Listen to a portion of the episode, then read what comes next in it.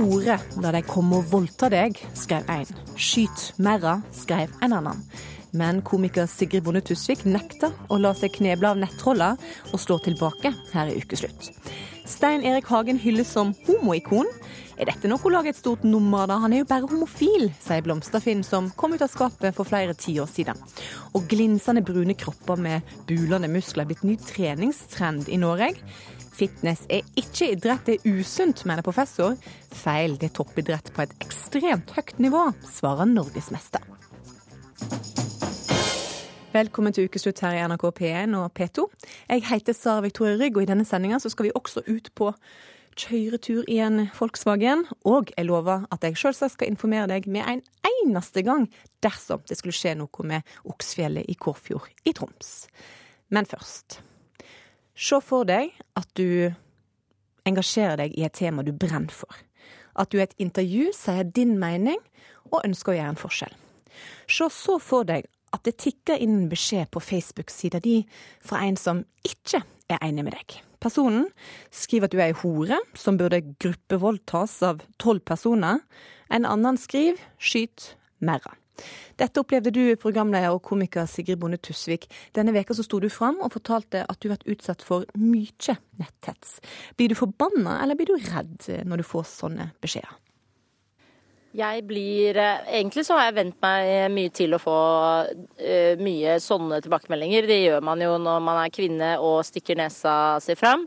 Uh, men akkurat uh, i denne uka så var det vel mengden med hatkommentarer som gjorde at jeg Ja, de rundt meg først og fremst ble redde, og så blir man jo litt bekymra selv, da, fordi man Jeg tenker sånn Å ja, men da bør jeg kanskje begynne å tenke på hva jeg skriver eller hva jeg sier. Og det, jeg pleier jo ikke å gjøre det.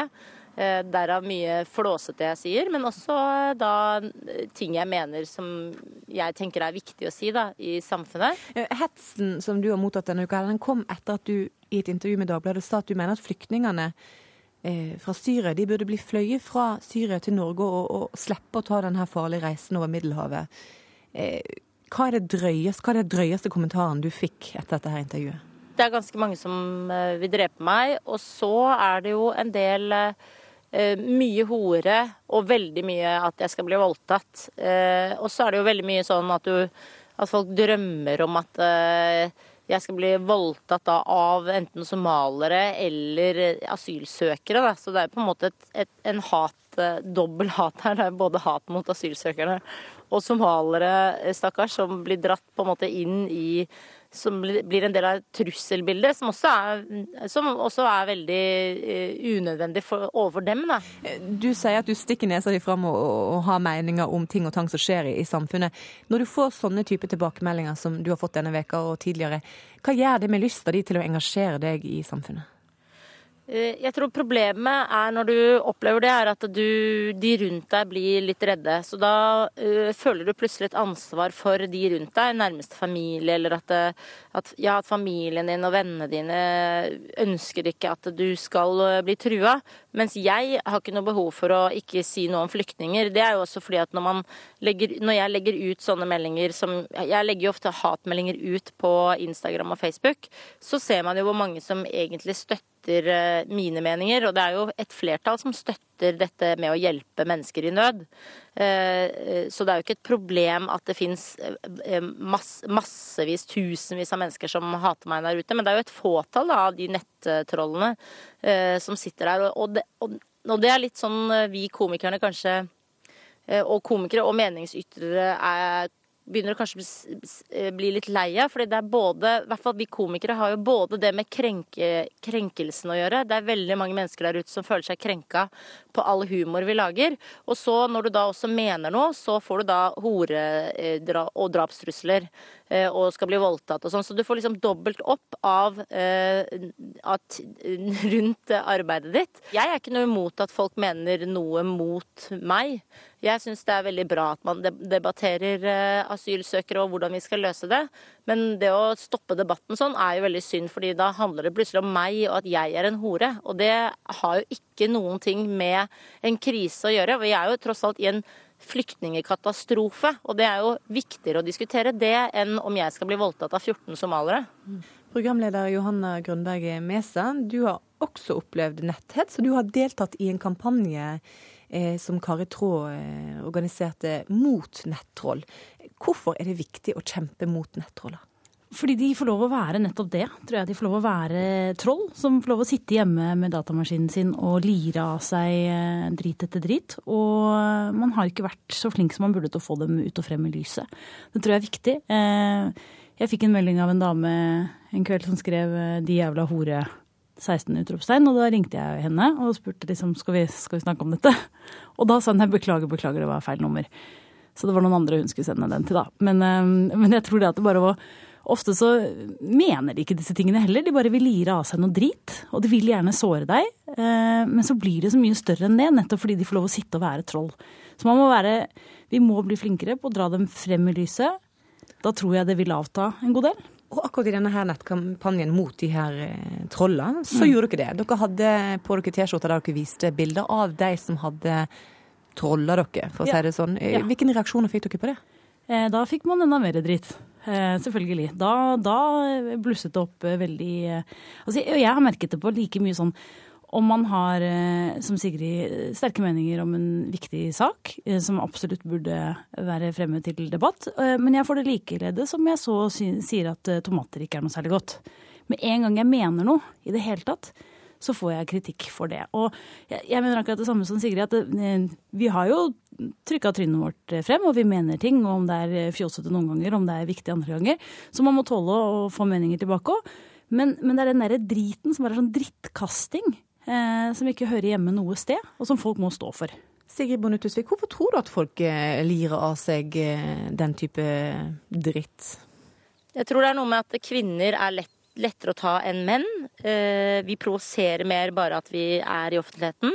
Eh, og at det er lettere å hate oss også. Vi, altså det er lettere eh, både å skrive hat på kvinner, vi har flere hatord om kjønnet vårt, og også lettere å ta oss på det vi mener. For det er jo veldig sjelden du ser menn bli kalt samme ting og, få samme type drapstrusler. Det ser du jo også på på politikere. Hadia Tajik, Erna Solberg, alle de har jo dobbelt så mye politibeskyttelse som sine mannlige kollegaer. Men alle engasjerer seg jo i dette her problemet for for å få stoppa det. Altså Alt fra statsministeren til mannen i gata slår et slag for å, å kvitte seg med nettroller.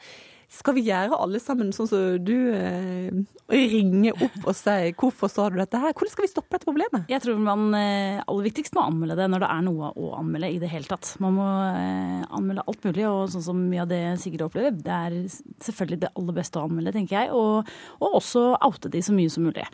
Eh, jeg tror dessverre at det er litt sånn at eh, veldig mange ønsker å se kvinner som litt svake. Og når de ikke er det, når de viser seg ikke være svake, så blir de så provosert. Derfor tror jeg det er enda viktigere å vise at vi kvinner er sterke, og at vi, vi bryr oss om sånt, men ikke på den måten de nettrollene kanskje tror. Men vi tar igjen. Mm. Sigrid Bonde Tusvik, nå skal du få til å ta igjen nettrollene. De har sagt det de ville om deg denne veka. Hva vil du si til dem? Jeg eh, håper at de tar seg eh, en kaffe før de setter seg ned ved tastaturet igjen og tenker over eh, hva de skal skrive. Jeg håper de eh, roer seg litt ned. Da. Jeg, jeg, jeg håper liksom at den massesuggesjonen av hat som ligger i trådene under debatter, eh, kan dempe seg, sånn at vi får bedre debatter enn enn det der møkka. Det gjør jo også til at de fleste holder seg unna, og så sitter bare det mørkeste igjen og debatterer fram og tilbake. Og det er det som gjør det veldig skummelt. Ta dere en kaffe og tenk dere om før dere eh, publiserer ting på nettet. Takk til deg, Sigrid Bonde Tusvik, og til deg, Johanna Grønberg Mesa.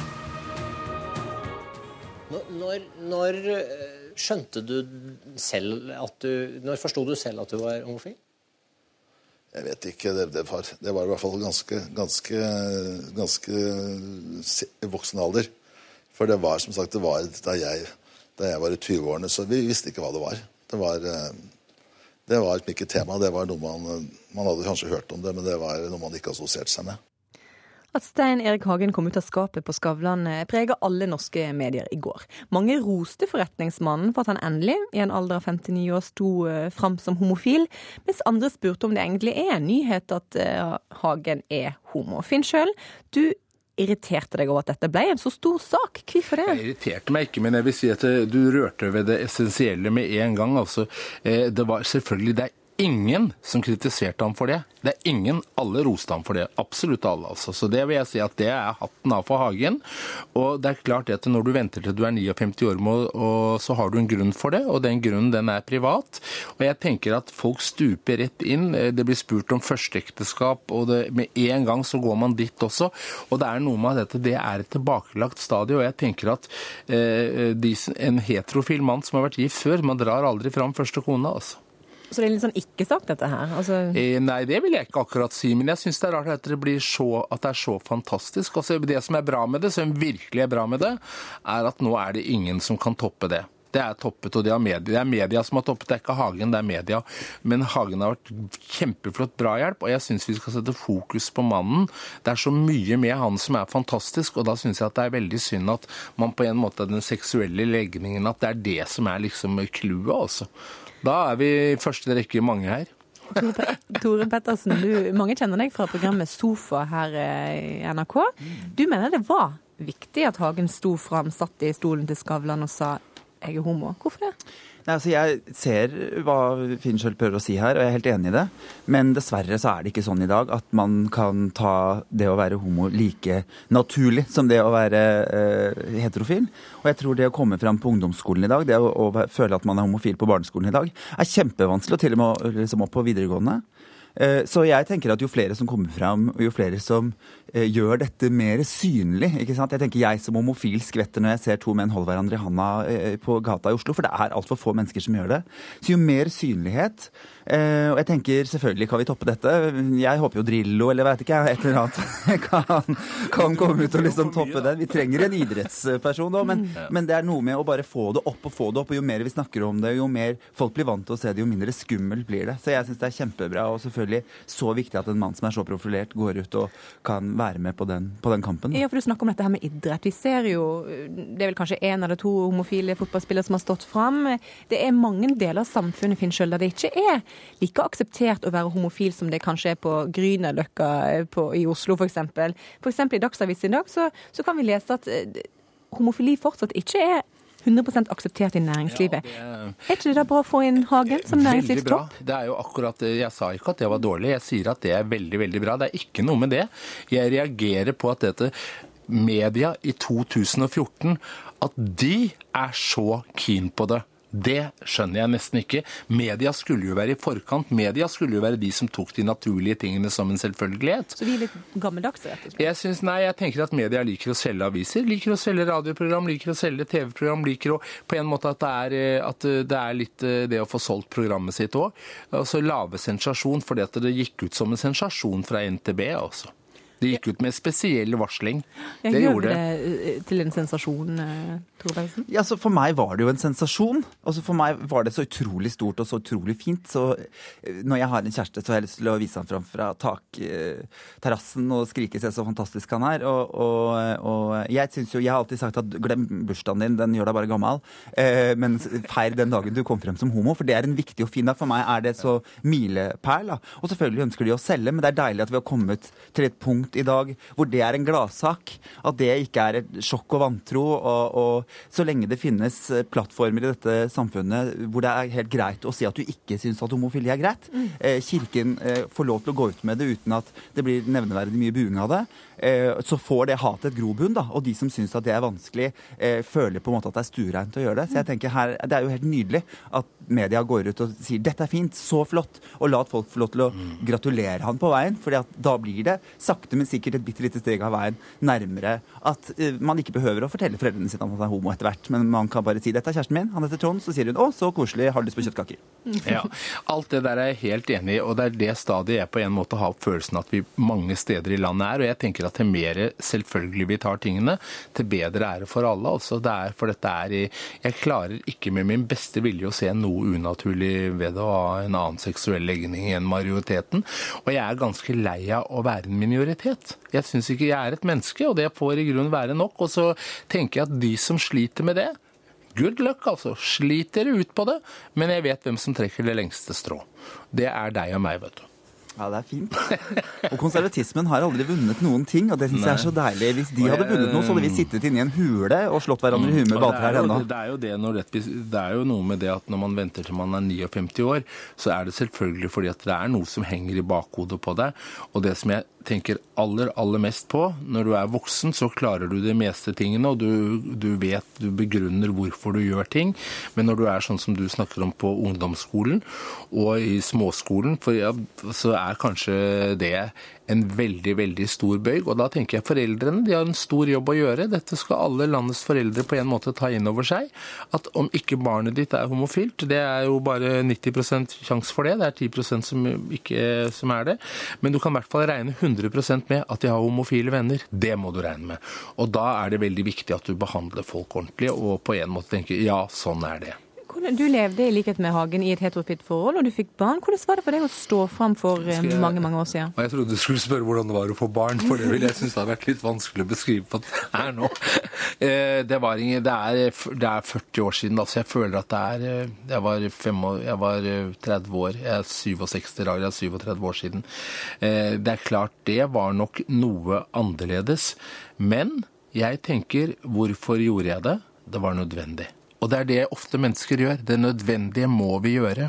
Du vet selv når ting er nødvendig, så for meg var det nok det. Så jeg kan ikke forvente at alle skal være i den situasjonen. Men jeg hadde jo to små barn, og jeg visste jo at de kom til å få homofile venner en dag. Jeg visste jo at hvis du kommer med den bomben og smeller det i ansiktet på ungene dine, eh, så føler de Altså, mine venner oppfattet nok at jeg hadde ført de bak lyset, altså. Selv om jeg selv hadde Jeg tror mer jeg hadde ført meg selv bak lyset. Jeg kunne heller ikke identifisere meg med det bildet som var av homofile på den tiden.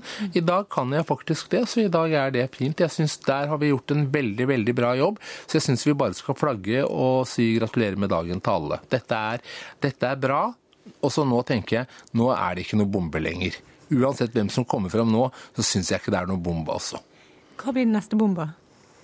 Hva blir det neste bomba? Jeg håper jo, Nå har jo eh, Hagen gått ut og gitt 500 000 kroner til, eh, til Åpen kirkegruppe for å gjøre et slag for noe som egentlig burde skjedd for lenge siden. Eh, Så det beste hadde jo vært at han har ei lita skrulle hjemme. eh, Og han blir den første Han blir den første som går opp kirkegulvet. At denne kampen har vært en sånn forsmak av at han ønsker å gifte seg eh, i Guds åsyn, eller hva man, hva man sier. Og Det hadde vært fint. Det blir en deilig bombe. men feire kjærligheten i kirka. Jeg, jeg, syns vi skal bare ta én ting når det gjelder kirken. Er det et sted, og det syns jeg folk skal ta inn over seg, det er hvor det mysser av homofile. Presteskapet, det er fosser av det, rett og slett. Og det er selvfølgelig fordi de søker en trygghet hos Jesus, rett og slett. Så jeg tenker at det, i kirken så kan det umulig være noe bombe at folk er homo. Det er jeg virkelig sjokkert over at de tror. La oss håpe Stein Erik Hagen finner en fantastisk person han har lyst til å dele kjærligheten med. Finn selv og Tor Han Pettersen. fortjener en eh, flaske champagne òg i dag. En flaske champagne, og han fortjener en fabelaktig låt. Hvilken låt bør vi spille til han, eh, Tore Pettersen? Du, jeg, jeg tenkte det hadde vært innmari fint med Diana Ross og låta I'm Coming Out. Jeg husker jeg sto, jeg var 16 år gammel og skulle gå i min første homoparade, og da spilte de den på Jernbanetorget. Jeg, og jeg har aldri vært så stolt av å være meg sjøl og være annerledes og bare så lyse. At nå blir livet spennende og gøy. Yeah. Everything goes.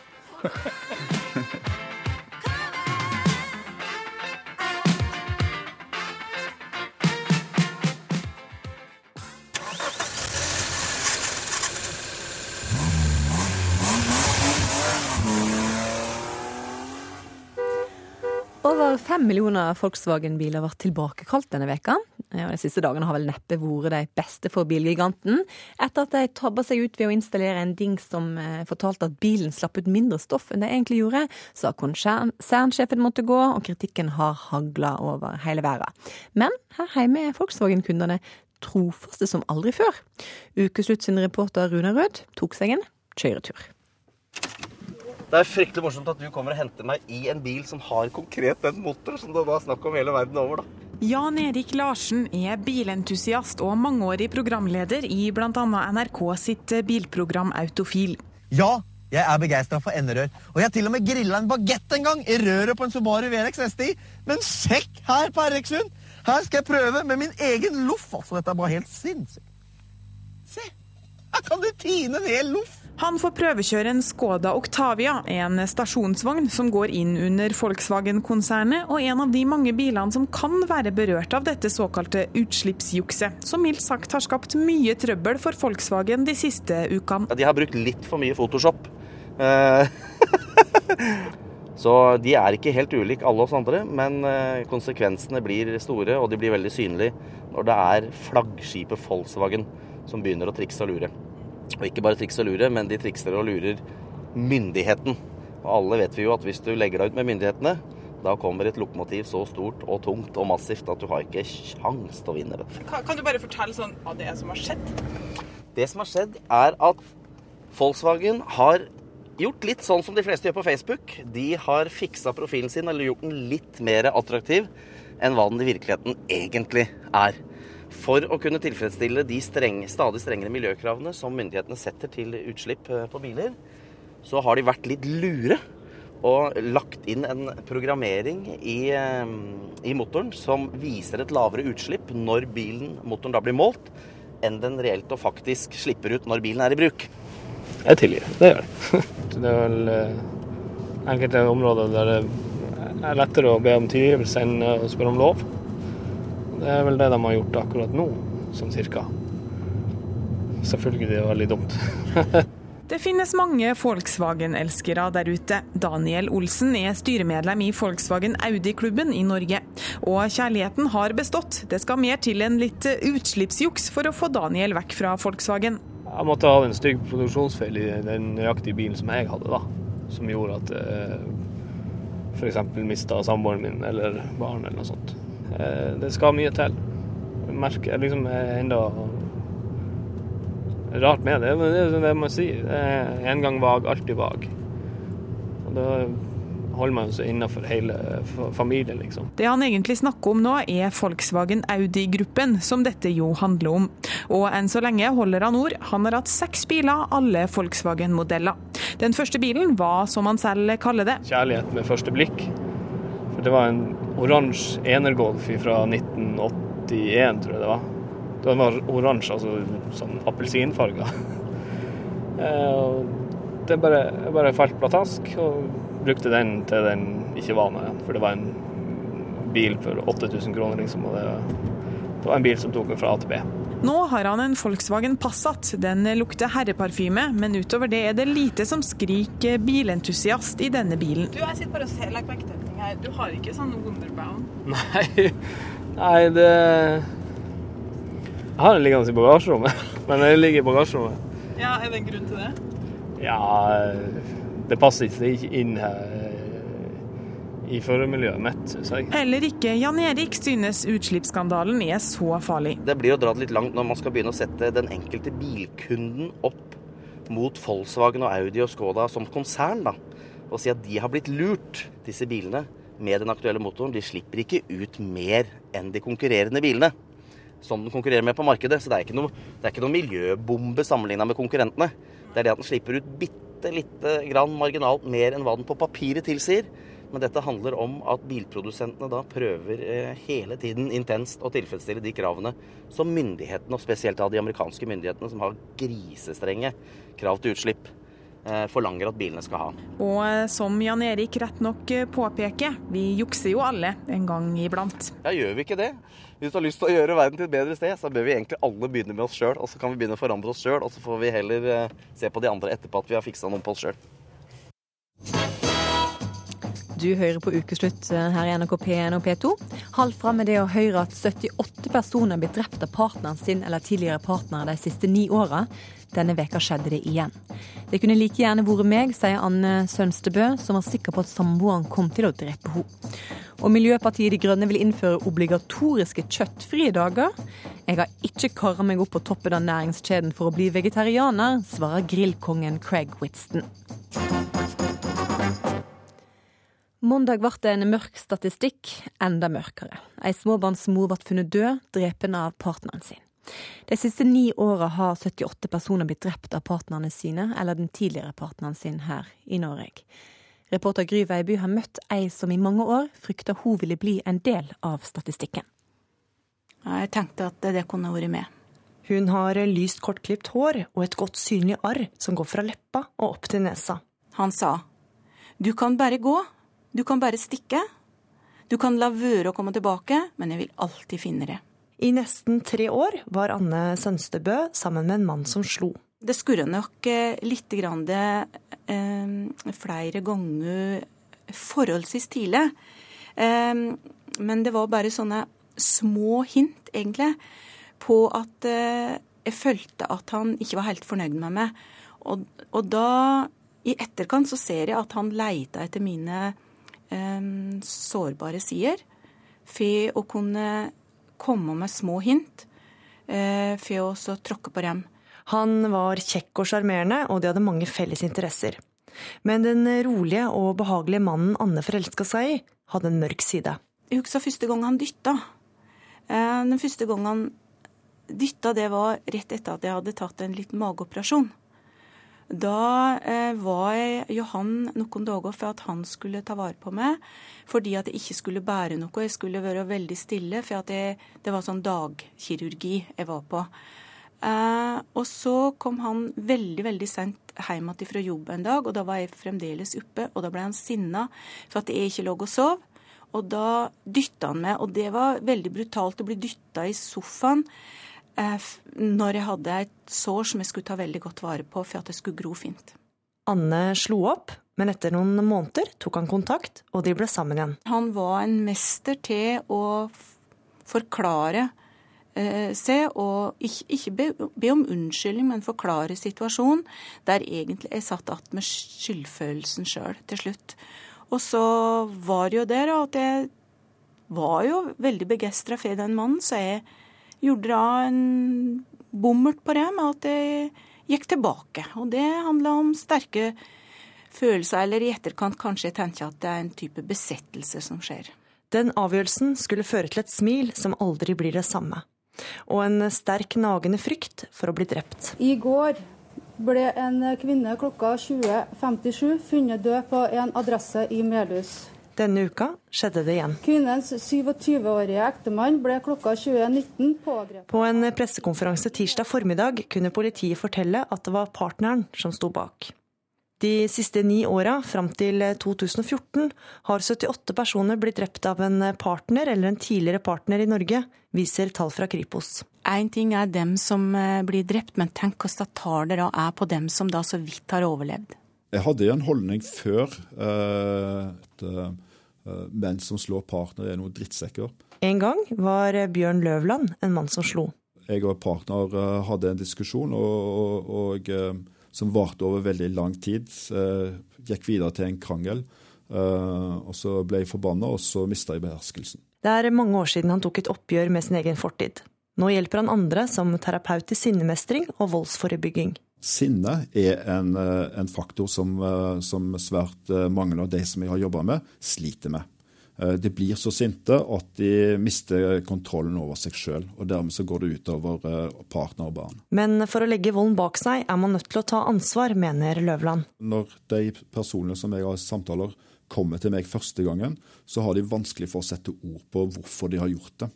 De skjønner det ikke sjøl. Og det tenker jeg er en del av terapien. At de skal forstå sjøl hva er det som skjer, så at de unngår at det samme skjer på nytt igjen. Det tok lang tid fra jeg begynte i uh, terapi til jeg, gikk, uh, til jeg tok ansvar for egne handlinger. Uh, jeg var en av de som la deler av ansvaret over på partner. Hadde ikke du provosert meg, så hadde ikke jeg blitt forbanna. Jeg tenker det er viktig å ta det hele og fulle ansvaret for egen handling, ellers er, er atferd, atferdsendring ikke mulig. Fra terapirommet til Høyesterett. Høyesterettsdommer Magnus Matningsdal viser vei til et ærverdig kontor med draperte gardiner og skrivebord i mahogni. Så er jo klart at Det er jo på mange måter en merkedag. Det er det. For torsdag denne uka fikk Norge ny straffelov som gjør at straffen for familievold blir langt strengere. På tide, mener Matningsdal. Med sitt brutalitet, både av fysisk karakter og av psykisk karakter, som nærmest overgår fantasien. Og det er jo klart at For de som utsettes for dette, så blir deres livskvalitet redusert kraftig. Grov mishandling i nære relasjoner skal nå kunne straffes med fengsel i inntil 15 år. Brutaliteten i noen av disse sakene og varigheten av det er av et slikt omfang at når du sammenligner med hva straff som blir utmålt i enkelte andre tilfeller, eh, så, så syns jeg at uh, dette, dette hadde gode grunner for seg. Så kommer han hjem igjen fra sommerfest. Og da er jeg hjemme, men jeg ligger på feil plass. Jeg har lagt meg på sofaen og ikke i senga. Og det medførte tre og en halv times enorm kamp, som enda i at jeg, når jeg trygla om oss å få komme på do når jeg kom ut av otodoen da, så fikk jeg et dytt i ryggen som var så overraskende, så overrumplende hardt og kjapt at jeg greide ikke å ta med ferie. Jeg havna i et salongbord og kutta meg fra eh, og ned. Det var da hun fikk arret. Eh, så det er ikke bare overleppa, men helt ifra nos og ned, og, og halvannen centimeter dypt kutt. Anne ville dokumentere det hun ble utsatt for. Hun tok bilder av alle blåmerker og kutt, hun skrev logg over episoder, og hun klarte å få lydopptak når samboeren var sinna. Jeg frykta så for livet mitt at eh, jeg da tok det lydklippet på 23 minutter den ene dagen som jeg følte at det, det var det mest intense frykten jeg hadde hatt på at eh, nå planlegger han noe som skal etter hvert eh, gjøre at han tatt med av dage, men at han gir det på en slik måte at det ser ut som at jeg har gjort det sjøl. I 2010 kom saken opp for retten, og ekssamboeren ble dømt til seks måneders fengsel. Jeg var tross alt heldig. Jeg sitter jo her, jeg er i jobb, jeg er frisk. Jeg er selvfølgelig prega, og jeg tenker at eh, det her bør ikke skje. Jeg syns ikke det norske samfunnet er, bør være bekjent av at slikt skjer på nytt.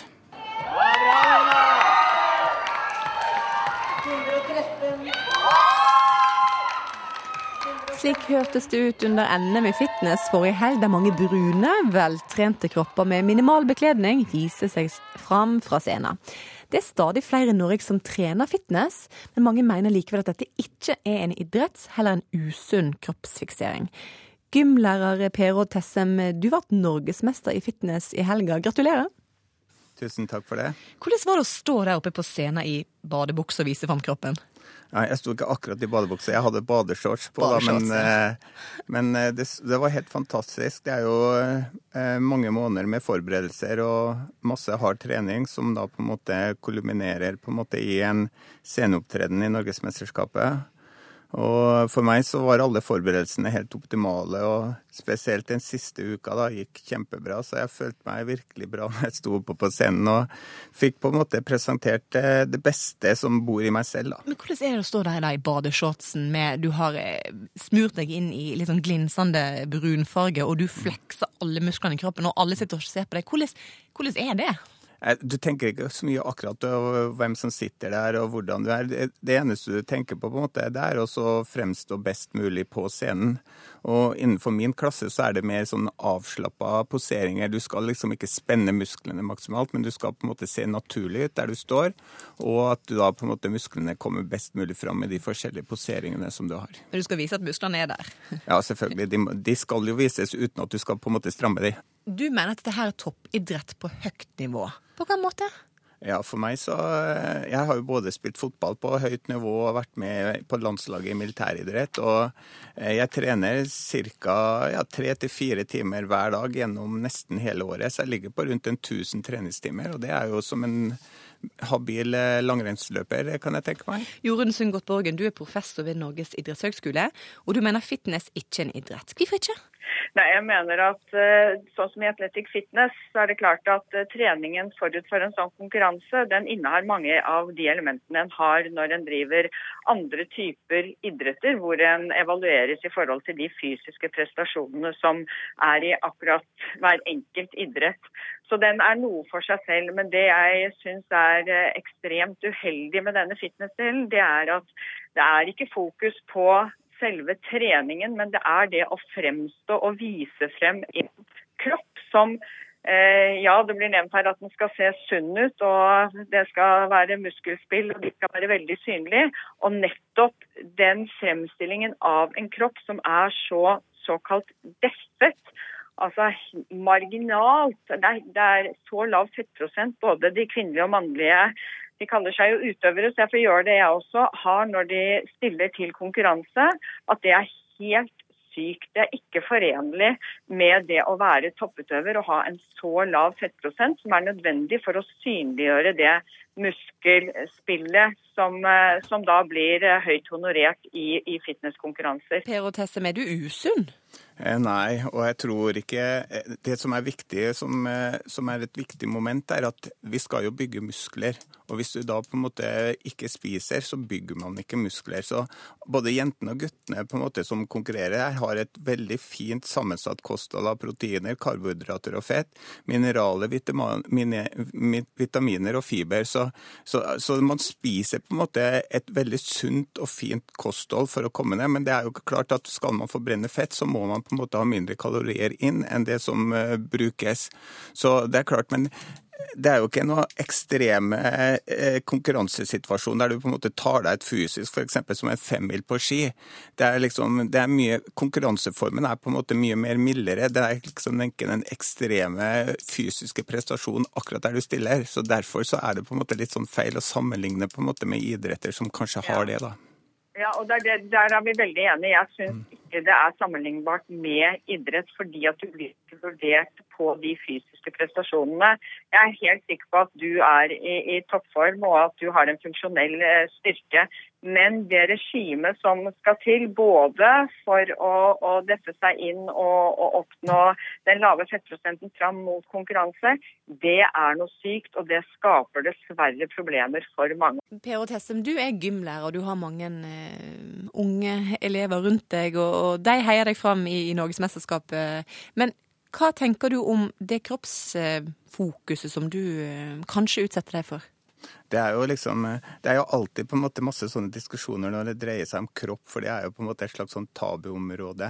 Men eh, for meg så har det på en måte bare vært positive reaksjoner, og elevene syns at det er morsomt å på en måte følge med, og de er liksom ivrige. De spør om råd til trening, og de spør om Men det er kanskje lettere for gutter enn for jenter. Det kan vi nok kanskje si. Jeg er skeptisk til en som sitter i, eh, i en stilling som kroppsøvingslærer, og som å si, digger kroppen sin på den måten der. Jeg syns det er veldig uheldig, og vil på det sterkeste fra fraråde alle de studentene vi utdanner på Norges idrettshøgskole som, som, skal bli kroppsøvingslærere, fra å, å, legge ut og, og framstå med en slik kroppsform som, eh, som, det det gjøres i dette tilfellet her. Jeg syns at det er eh, helt feil i, i det store problemene vi har nå, når, når det er snakk om, om det ekstreme eh, fokuset som er på kropp, og de konsekvensene det dessverre har. Det er, det er et alvorlig folkehelseproblem. Ja, jeg, jeg vet ikke. Det, er, det, høres veldig sånn eh, merkelig ut at hun sier det, men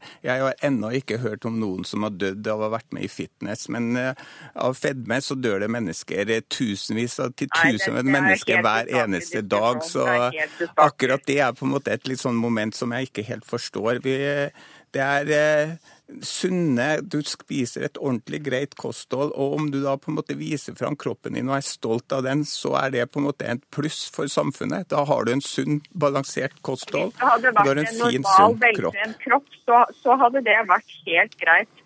Veltrente idrettsutøvere som, som ser som veltrente idrettsutøvere, det er flotte forbilder. Det er jeg helt enig i. og jeg enig i at vi må gjøre noe i forhold til å, å forebygge og ta tak i, i fedmeproblematikken. Men det å ha ekstremt deffa kropper på scenen, det bidrar ikke til å, å, motvirke det problemet der. Per og Tessem, i helga ble du altså norgesmester i fitness. Nå sier du at du tar med deg badeshortsen og musklene dine ut, og du vil erobre Norden. Hvordan skal du gjøre det? Nei, det er klart at jeg, jeg er jo i en alder nå som eh, der fitnessen på en måte gir meg mulighet til å konkurrere. For vanligvis, vanligvis innenfor toppidretten så er du jo ferdig som idrettsutøver veldig tidlig. Mens innenfor fitness og bodybuilding da, så kan du jo konkurrere til eh, Ja, det han eldste som var med i VM, NM i år, var jo 50 56 år gammel. Mm. Så det er klart at det her er noe som, eh, som du kan drive med over lang tid. du holder på til du er 80? Ja, hvis helsa holder, så skal jeg drive på så lenge jeg kan, I alle fall. Takk for at du var med i Ukeslutt, og takk òg til deg, Jorunn Sundgodt Borgen.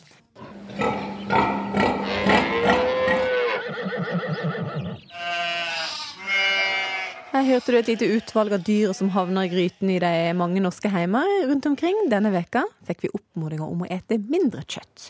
En filosof skrev i Aftenposten at det er moralsk galt av oss å ete kjøtt.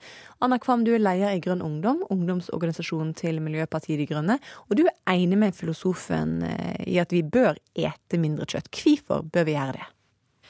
Ja, altså først er det viktig for meg å understreke at eh, vi som politisk parti har ikke noe, noe, politikk på hvorvidt det er moralsk eller umoralsk å spise kjøtt i seg selv. Men det å redusere det norske kjøttforbruket noe, det har vi en politikk for. Og det er det flere grunner til. Eh, det er både ut fra et dyrevelferdsperspektiv, at det kjøttforbruket eller den mengden kjøtt vi inntar i løpet av et år i dag, den, den er så eh, høy at vi, vi må ha mange, så mange dyr i landbruket på en sånn måte å avle dem opp på en sånn måte at det eh, etter vårt syn ikke er, er eh, forsvarlig. Da. Og så er det ut fra et klimaperspektiv. I tillegg til at det også er viktig for oss å se dette her i, en, i et globalt matvareperspektiv.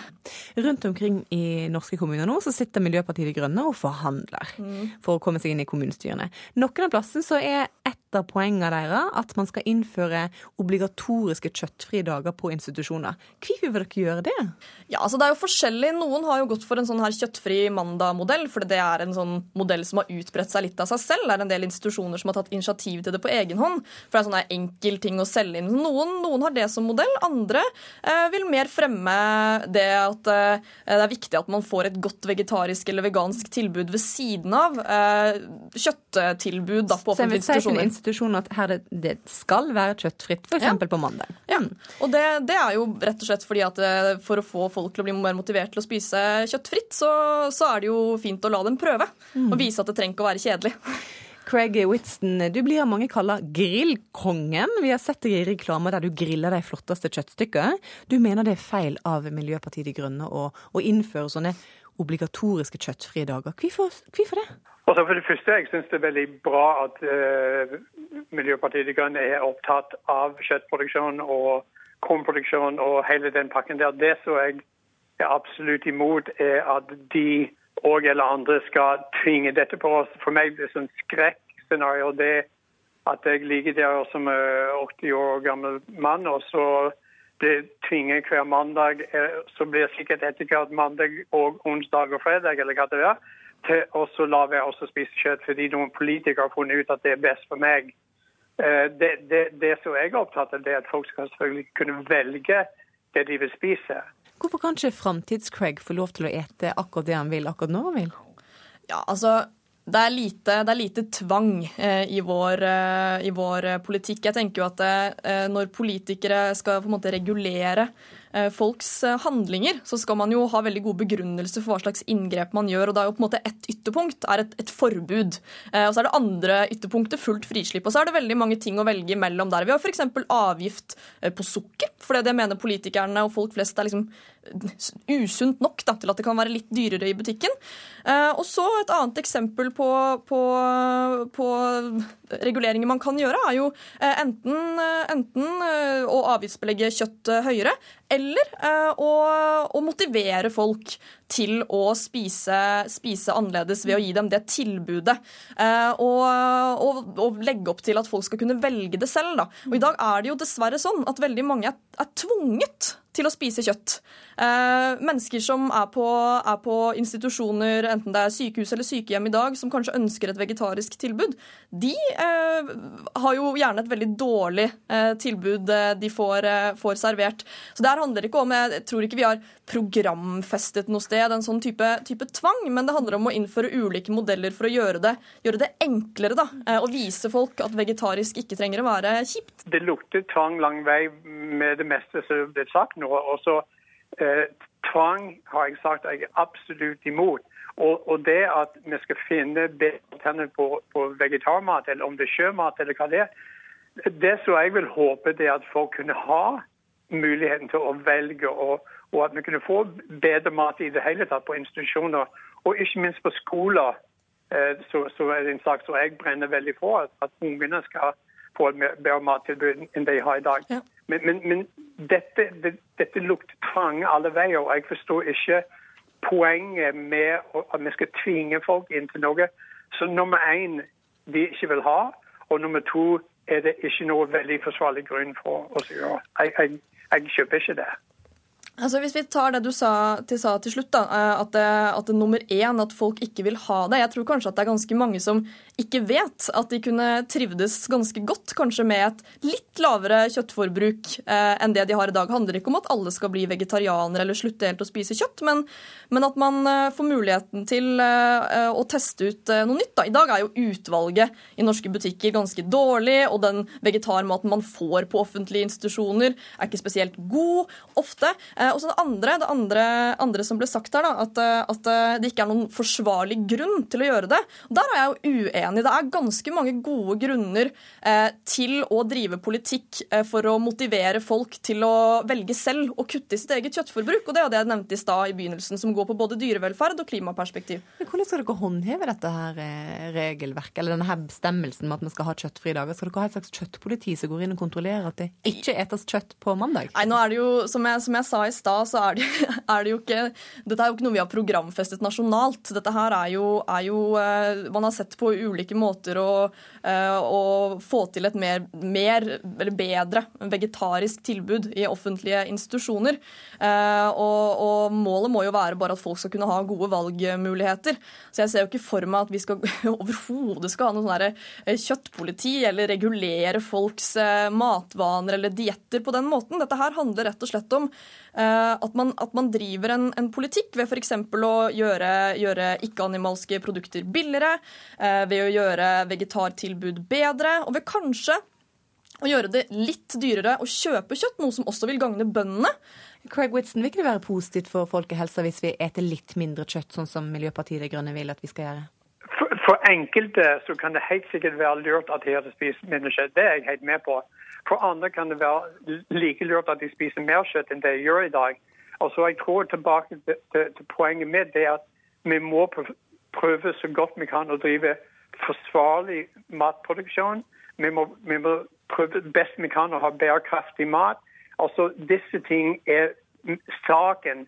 Men den saken det at noen kan ha godt av å spise mindre kjøtt, er, for meg det er ikke noe poeng i dette. Og det gjelder definitivt ikke alle og jeg, jeg, vil bare nevne en ting som ble sagt nå, som var virkelig ikke riktig. At matutvalget i butikken i dag er dårlig, er veldig feil. Og jeg syns det er veldig frekt å egentlig komme med påstand at det er dårlig tilbud på mat i butikken. Det er klart, Når, når jeg er i USA, som jeg er nå, og jeg kan gå og handle på Whole Foods Det er klart, det fins bedre mattilbud enkelte plasser. Men jeg syns mattilbud i butikkene på kjøtt og andre produktene har aldri vært bedre enn det er i dag. Nei, altså jeg, jeg, håper ikke du misforstår meg ved å si at altså, mattilbudet i Norge er dårlig. Det er mer det å kanskje fremheve at, ut, ut, nei, sa at utvalget av vegetarprodukter eh, er, er, dårlig hvis man sammenligner eh, med en del andre land eh, i Europa. Og det, det, mener jeg det er greit å si. Men at maten i Norge er helsemessig forsvarlig, og at vi har god tilgang på gode råvarer og produkter, det er jeg helt enig i. Hvor mange kjøttfrie dager har du eh, i veka? Det varierer litt, men eh, sånn jevnt over tror jeg i hvert fall at kanskje halvparten av mine dager er kjøttfrie. Og Craig Whitson, ditt motto er 'Jeg har ikke kara meg opp på toppen av næringskjeden for å bli vegetarianer'. Hvor mange kjøttfrie dager har du i veka? Det er null. Det har alltid vært null, og det fortsatt blir null. Takk til deg, Craig Whitson og Anna Kvam. Ukeslutt er over for i dag. Ansvarlig for sendinga var Kari Li. Hilde Tosterud styrte teknikken, og jeg heter Sara Victoria Rygg.